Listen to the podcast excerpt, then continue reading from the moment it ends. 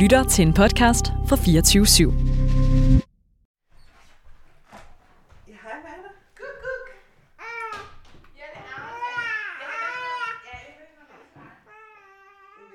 Det her, det er lyden af min nevø. Han er cirka 7 måneder gammel. Han er super cute, og jeg elsker ham rigtig meget. Men jeg elsker altså også, at jeg kan give ham tilbage til hans mor, når han lyder sådan her. Og at jeg kan gå hjem og sove 8 timer i streg. Og at jeg kan tage ud og drikke øl med vennerne, uden at skulle koordinere for meget. Faktisk elsker jeg det så meget, at jeg er ret sikker på, at jeg aldrig selv skal være mor. Altså sådan nogensinde. Sådan har jeg haft det lige så længe, jeg kan huske. Det er ikke, fordi jeg har en eller anden sygdom, der gør, at jeg ikke kan. Eller at jeg har nogle gener, som jeg ikke har lyst til at give videre. I hvert fald ikke, hvad jeg ved af. Det er heller ikke, fordi jeg ikke kan lide børn. Jeg elsker børn. Men jeg tror hellere, jeg vil være den sjove tante, end at være nogens mor. Da jeg var yngre, der kunne der godt være øjeblik, hvor jeg tænkte, at det kunne da godt være, at jeg skulle det en dag. Men det måtte jeg ligesom tage stilling til, når jeg blev ældre. For mig var børn jo først noget, man fik, når man var voksen. Og det var man i mit hoved, når man var 30. Men nu er jeg jo så selv ved at nærme mig de 30. Ja, jeg er 28 år for at være helt præcis. Og jeg føler mig sgu stadig ikke voksen. Men jeg kan ikke blive ved med at udskyde den her beslutning for evigt. Derfor har jeg sat mig for at finde ud af, om jeg virkelig ikke vil have børn. Og hvad det er for et liv, der venter mig. Jeg har også brug for at vide, hvad der sker med mig, når alle mine veninder de lige om lidt går i gang med alle de her babyprojekter. Og jeg ikke kan tale med om blæskift og indkøring og hvad ved jeg. Og jeg har brug for at finde ud af, om der er noget galt med mig, når alle andre bare ser ud til at have lyst til at få børn. Mit navn det er Agnes Vest. Lige nu er du ved at høre prologafsnittet til podcastserien Aldrig Mor. Og her vil jeg prøve at komme med et bud på, hvorfor jeg ikke vil have børn. Men inden vi når dertil, så er der en lille ting, der ligesom skal fungere, før jeg overhovedet kan tage valget om at få børn. Derfor var jeg for nogle måneder siden forbi fertilitetsklinikken Stork Klinik i København. Jeg skal ind og have talt min æg for at finde ud af, om jeg overhovedet har nogen, som kan blive til børn. Eller om min krop ligesom har taget den beslutning for mig på forhånd. For hvis ikke jeg har det, så behøver jeg måske ikke dvæle så meget ved, om jeg overhovedet skal have børn. Jeg hedder Anna Oldenborg Bjerg Christensen, og jeg er overlæge i gynækologi og obstetrik, men øh, arbejder som fertilitetslæge. Øh, og her på Stork Klinik. Nu er jeg jo kommet her i dag, fordi at jeg inden for ganske få fylder 30 og har fået at vide af min egen læge, at hvis jeg skal have børn, så er det altså ved at være nu. Problemet er ligesom bare, at jeg har øh, slet ikke lyst til at få børn, og øh, i hvert fald ikke lige nu. Men jeg kan også blive lidt bange for, om jeg så måske står senere i livet og har fortrudt, eller at jeg øh, blevet ramt af en eller anden form for sygdom, der gør, at jeg så ikke kan få børn på det tidspunkt. Altså, hvad vil mine muligheder så ligesom være? Jamen, først og fremmest, jeg synes jo, 27, så er man ung. Øh, og det er selvfølgelig rigtig fornuftigt øh, af din læge at få, få dig til at tænke lidt over udsigterne. Øhm, jeg ved jo ikke, om der er en medicinsk årsag til, at der lige skal være nu, øh, eller, men er der ikke det, jamen så har du stadigvæk nogle år løb på, men det er fornuftigt at begynde at overveje det, fordi det kommer også an på, hvad for nogle familiedrømme man har rent statistisk. Hvis du vil have mere end et barn, jamen så skal du starte nu. Nu er der jo store individuelle forskelle, og mange, der får alle deres børn efter de er 35 og så videre. Men, men statistisk så skal man starte, før man er 30, hvis man skal have mere end et barn. Okay, ja, fordi det er jeg i hvert fald ikke klar til. Men altså, så du siger, at det er simpelthen født med de æg, jeg har? Ja. Og det er så dem, hvis jeg på et tidspunkt om 10-15 år ombestemmer mig, så er det dem, der så skal prøve at bære et eller andet barn? Lige præcis. Så der kommer ikke nogen nye, og det er meget uretfærdigt, fordi øh, mænd de, øh, de reproducerer hele tiden jo. Så de har ikke lige så meget udløbsdato. Det har de til en vis grad, men ikke ligesom kvinder. Så øh, du mister jo, altså du, som foster har du millioner af æg, og så ved fødslen har du allerede langt færre, og så op til, til du går i puberteten, går der også en del til grunden, selvom du ikke har en cyklus endnu. Og i hver en af dine menstruationscykler, så mister du mange æg. Og det gør man, og de, selvom man tager p-piller eller hvad man gør, man kan ikke bremse det. De er sådan nogle tidsindstillede bomber, som popper. Måske er jeg bare sart. Men jeg synes, det er enormt stressende at tænke på ens æg som tidsindstillede bomber, så man ikke kan stoppe fra at springe. Og for lige at få min fertilitetspanik lidt under kontrol, så sagde Anna Oldenburg heldigvis ja til at give et skøn på, hvordan min ægbeholdning ser ud. Når vi øh, sådan giver et skøn på det hele, så bruger vi to ting. Der er dels er den her ultralydsscanning, hvor vi tæller antallet af synlige æggeblærer i æggestokkene. Og det er ikke det antal, du har tilbage totalt. Det er bare det antal, der har potentiale i en cyklus, cirka. Og er der rigtig mange, så kommer jeg til at mistænke, at du har en høj ægreserve, og er der få, så du mistænke, du har en lav ægreserve. Øh, men vi kombinerer det altid med en blodprøve, som måler et øh, særligt hormon. Det er noget, der bliver dannet i de her æggeblærer. Så vi sammenligner lige det, stemmer de overens. Det gør de oftest. Så ved vi, at det ligesom er sandt, det vi ser. Når du lige om lidt laver den her ultralydsscanning, så vil du simpelthen kunne se, hvor mange æg, der ligesom potentielt er klar i min cyklus lige nu. Ja. Og så lidt estimere, om det ser godt eller dårligt ud. Ja, Skal vi prøve at kigge på, hvordan det ser ud for Ja. mig så? Ja. det synes jeg. Skal jeg gå hen og tage bukserne af? Ja. Okay. Du tager bukser og underbukser af, og så tager du sådan en håndklæde, så kan det føles lidt bedre nogle gange. Så har man det bare lige over sig. Okay. Så står vi lige inde i det her omklædningsrum. Jamen så af med underbukserne her. Så tror jeg. Vil du lige fortælle, øh, hvad der skal til at ske? Vi skal lave et uh, transvaginalt ultralyd, hedder det. Uh, det er et ultralyd op gennem skeden, og det er sådan, man bedst kigger på livmor og æggestok. Og så skal jeg bare lægge mig op her. Så lægger du dig op, og jeg hjælper dig lidt med puden. Og så sæt dig først, sådan, og så læn dig tilbage, samtidig som du lige får benene op her. Okay, og så benene op i de der to. Ja. Perfekt. Ja, så kommer jeg lige rundt her. Og så skal du prøve at møve bagdelen lidt tættere på mig. Ja. Perfekt. Nu ligger du perfekt. Okay. Ja, er det okay? Ja. Og du kan selv følge med på, hvad der sker enten på den der skærm, eller på min. Og det er jo ligesom en sportsbar, det her. Ja, ikke? Bare med ja, Ja. livmor og hals. Så skal du se, hvor flot du er inde i. Ja, derop kan jeg simpelthen følge med. Men hvis du er klar, så starter jeg scanning. Ja, Det bedste, du kan gøre, det er bare at prøve at føle dig helt tung i bagdelen. okay, lige et øjeblik. Jeg kan mærke, at jeg er helt nervøs. spænder. Ja. Ja, det er meget almindeligt. Ja, nu kan jeg mærke, at jeg begynder at svede helt vildt, og jeg begynder at blive sådan lidt nervøs. Okay. Men det er også, ja, Jeg starter lige scanningen, og det kan godt være lidt koldt, fordi der er sådan noget Ja. gel på, og den kommer her. Ja. Så kommer vi lige op gennem skeden. Se, der. Først Okay, den er ja. sort, det er din urinblære, så Ja. skal vi lige have fundet din livmor. Så der har allerede set en æggestok, der er utrolig flot, så du kan slappe af. Nå. Men vi starter her med din, hvad hedder det, din livmor. Og det er jo spændende. Prøv at se her. Den her pære her, det er din livmor. Og jeg, som jeg sagde, jeg har allerede set, at du har utrolig... Oh, nu gjorde jeg det lidt forkert her. Du har en flot ægreserve, så du skulle slappe af. Du troede, jeg skulle sige noget negativt i dag, men det skal jeg slet ikke. Prøv at se, jeg har en flot æggestok i din højre side. jeg vidste slet ikke, det var et kompliment, jeg godt kunne lide at få. Ja, En flot æg. ja grunden til, at jeg siger, at den er flot, det er, skal du se, den har en masse sorte opklaringer i sig.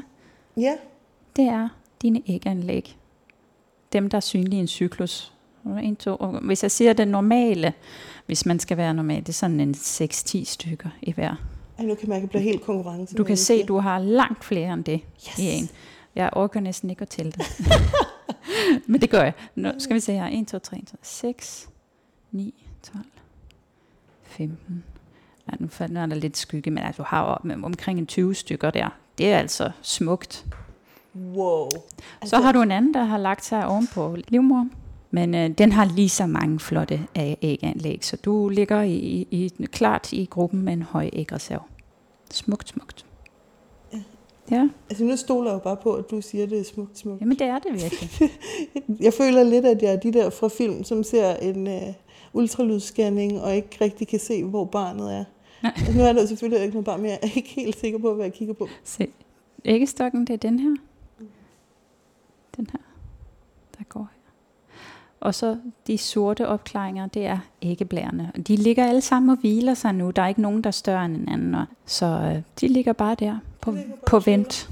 Ja. Næste måned kommer der måske nogle nye. Men altså, det ser så fint ud. Og når man ser sådan der ud, så går man heller ikke tidlig i overgangsalder. Nice. Ja, ikke? Men nu er scanningen faktisk færdig, medmindre du vil se noget andet på den. Jamen, tak for det. Jamen selv tak. Så tager jeg den her ud igen. Ja, uh, som sagt. Hold op, ja. Nu har jeg jo haft noget gel på proben, og du må meget gerne bare bruge håndklædet til at tørre dig. Okay. Og så rejser mig bare op her igen. Ja, hvis du kan med alt dit udstyr. og benene ud af det. Ja, okay. Og så kan jeg bare tage den her. Ja. Og jeg, skal jeg gå med? Eller ja, okay. Okay, det er en helt absurd situation. Selvom jeg står i en lidt akavet situation, og scanningen egentlig pegede på en ret god ægreserve, så er der nogle ting, jeg lige bliver nødt til at høre fra gynekologen, mens vi stadig er forbundet af ledninger og mikrofoner. Mm, ja. Men kan der ske et eller andet, som gør, at man lige pludselig, altså hvor det lige pludselig går hurtigt i forhold til at miste sin æg? Ja, altså det vil jo primært være sygdom, hvis man skulle øh, behandles med kemo eller lignende. Eller hvis man af en eller anden grund øh, får fjernet sin æggestok, eller bliver opereret på en æggestok, så fjerner man også nogle af æganlæggen. Og så øh, kan man selvfølgelig også ryge nogle af sine æg væk. Ja, det er jo så nok desværre skyldig ja. Men måske ud over at stoppe med at ryge, hvad kan jeg så gøre for at passe på mine æg? Øh, få nok D-vitamin, for eksempel. Ja, der bor vi jo et dejligt land til. Ja, der er mange, der har problemer med det faktisk. Øh, og det går ud over æggenes kvalitet, og faktisk også livmorslimhinden. Mm. Så det er det, der er mest lige til, det er at lade være med at ryge, og så øh, øh, få noget D-vitamin, og ellers de almindelige livsstilsfaktorer. Og man skal ikke drikke alt for meget alkohol heller. For helvede. Men man må godt, man må godt drikke noget.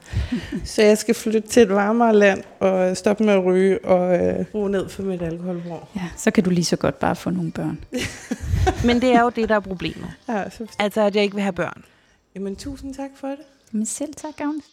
Og jeg har faktisk enormt svært ved at svare på præcis, hvorfor jeg ikke vil have dem. Jeg synes, der er rigtig mange ting, der taler imod. Og ikke rigtig noget, der taler for. Jeg tror stadig, jeg er et sted i livet, hvor en positiv graviditetstest vil give mig total teenage-angst. Jeg ved nærmest ikke, hvor jeg skal starte. Men for det første synes jeg, at hele graviditeten virker træls. Jeg synes, det er for creepy at tænke på, at der skulle være noget, der voksede inde i maven på mig. Altså det der med, at man ikke ved, hvordan ens krop opfører sig. Jeg synes, det lyder som et risky lotteri, hvor gevinsterne er morgenkvalme, hævede ankler, graviditetsdiabetes, bækkenløsning og andet sjov. Fødslen lyder selvfølgelig også nederen. Og så er der hele det her med ikke at sove om natten og skifte blæ og skulle være på hele tiden og holde et andet menneske i live og have ansvaret for det, og for at det bliver et godt menneske. Der er også det her med, at hele dit liv det handler om et barn. Og det synes jeg da, at det skal, hvis man gerne vil have børn. Men det lokker mig altså ikke at have et liv, der går ud på at hente, aflevere, smøre madpakker, få tusstreger på sofaen, rydde legetøj op, og jeg synes faktisk, det virker helt uoverskueligt. Jeg har heller ikke lyst til at give slip på det liv, som jeg kender det. På byture, på at sove længe i weekenden, på at binge en syv timer serie i streg, hvis det er det, jeg har lyst til. Man hører også hele tiden i medierne om, hvordan fødselsforberedelserne bliver skåret væk, hvor travlt der er på fødselsgangene, og hvor få pædagoger der er til at passe børnene i vuggestuen og børnehaven. Og så er det skide dyrt. Både i udgifter til børnehave, babytøj og alt muligt andet. Men nu er jeg jo også kvinde, så det kommer også til at gå ud over mit lønniveau. Og tager jeg et års barsel, så mister jeg også et års pensionsopsparing. Og jeg bliver forsinket på lønudviklingen, sammenlignet med mine mandlige kolleger. Vælger jeg kun at tage halvdelen af barslen, så kræver det, at jeg finder en mand, der vil tage den anden halvdel. Og som også lige arbejder et sted, hvor at de er villige til at give ham et halvt års barsel. Og så er der den her konstante udskamning af kvinder, der har fået børn. Enten arbejder de for meget, eller arbejder for lidt. De får pyldret eller for fraværende. De giver dem ikke nok økologisk, de giver dem for meget sutteflaske, sutten har de haft for længe. Er de overhovedet en god nok mor? Altså undskyld mig, men det skal jeg fucking ikke bede om. Der er også nogle større ting, der gør mig sådan lidt pessimistisk for fremtiden. Jeg synes ikke, at jeg kan være bekendt at sætte børn i en verden, når der lurer en klimakrise af overbefolkning, ulighed og uretfærdighed. Der er krige, hungersnød og masser af børn, der i forvejen ikke har nogen mor og far. Men jeg er jo ikke heldig. Og nogle gange tænker jeg på, om alle de her ting i virkeligheden bare er mig, der leder efter rationelle forklaringer på, hvorfor jeg ikke vil have børn. Når det i virkeligheden handler om, at jeg bare ikke har lyst. Altså, jeg kan simpelthen ikke forestille mig selv som mor. Og det er ikke fordi, jeg tænker, at du er et dårligt menneske, hvis du gerne vil have børn. Jeg forstår det måske ikke helt med alle de grunde, jeg lige har ramset op. Men jeg synes, det er fuldstændig vildt sejt. Og enormt voksen af dig, at du har lyst til at tage det ansvar på dine skuldre. Men når jeg hverken har gode grunde eller nogen lyst, så synes jeg, det vil være tavligt over for barnet. Jeg er ikke alene om at have det sådan her. Flere og flere går nemlig gennem livet uden at få børn. Hver 8. kvinde og hver femte mand er barnløs som 50-årig. Der findes ikke tal på, hvor mange, der har valgt det her frivilligt, og for hvem det er ufrivilligt. Men de her tal ser ud til at stige. Et studie fra Rockwool Fondens forskningsenhed peger på, at op mod hver femte kvinde kommer til at gå gennem livet uden at få børn. En af forskerne bag det her studie peger på, at det blandt andet skyldes, at flere fravælger at få børn. Alligevel så er det noget, der kan være svært at sige højt. Jeg oplever, at det virkelig er noget, jeg bliver udfordret på. Altså nu er det jo ikke, fordi det er et emne, jeg normalt tager op. Men jo ældre jeg bliver, jo flere gange støder jeg også på spørgsmålet, hvornår skal du have børn? Og så må jeg jo sige, at det skal jeg jo nok ikke. Og det kan udløse rigtig mange kommentarer og nærmest diskussioner, også med folk, jeg næsten ikke kender. De fleste er selvfølgelig høflige og spørger fra et nysgerrigt sted. Men nogle gange kan det altså være underligt at sidde og skulle svare på, hvorfor jeg ikke vil have børn. Om ikke jeg tror, jeg skifter mening. Om jeg er bange for at blive ensom og sidde alene på plejehjemmet uden børnebørn og oldebørn, der besøger mig. Eller om jeg så ikke i det mindste skal have en hund eller en kat. Jeg føler ligesom, at det er noget, jeg skal forsvare. Og selvom jeg egentlig er ret sikker på min beslutning, så kan det godt gøre, at det bliver lidt i tvivl, når jeg skal sidde og tænke over, ja, hvorfor vil jeg egentlig ikke have børn? Omvendt, hvis jeg prøver at vende det om og tænke, hvorfor vil jeg gerne have børn? Så bliver der helt stille i min hjerne. Og jeg forestiller mig, at mit hoved er sådan en tom cowboyby i en spaghetti western, hvor der flyver en vindhæks ned ad gaden. Altså, jeg gad måske godt at se, hvordan et barn lavet af mine gener ville se ud. Eller bare være mor for en prøveperiode, for at se, om jeg kunne. Men det kan man jo ikke. Og jeg vil have svært ved at forklare Agnes Junior, at jeg altså kun har fået hende, fordi det der kunne være meget sjovt at se. Nogle gange kan det også få mig til at føle, at der måske er noget galt med mig. Folk spørger jo ikke, om jeg skal have børn. Det regner de ligesom bare med. De spørger, hvornår. Så hvorfor vil jeg ikke det, når det er så selvfølgeligt, at alle, der skal have børn? Jeg håber, at du vil følge mig på den her rejse, hvor jeg skal forsøge at finde ud af, om jeg virkelig ikke vil have børn. Og om der er noget galt med mig. I hvert afsnit vil du møde en ny person, som af den ene eller anden grund ikke har fået børn. Eller ikke troede, de skulle have børn. De fortæller om aborter, stigmatisering, sterilisering og hvordan livet har været for dem uden børn. Du får også lov at komme med ind i mit allermest private. Ikke så bogstaveligt som i det her afsnit. Men til gengæld, når jeg snakker med min familie og venner om, at jeg ikke skal have børn. De skal være med til at give mig en idé om, om jeg overhovedet kan få børn. Hvordan livet bliver uden børn. Om jeg kommer til at sidde helt alene, når jeg bliver gammel. Om jeg kommer til at fortryde. Om jeg mister alle mine venner i babyræset lige om lidt. Og om der er noget galt med mig. Det her det er enden på prologafsnittet. Mit navn er Agnes Vest, og jeg skal aldrig være mor. Tror jeg nok.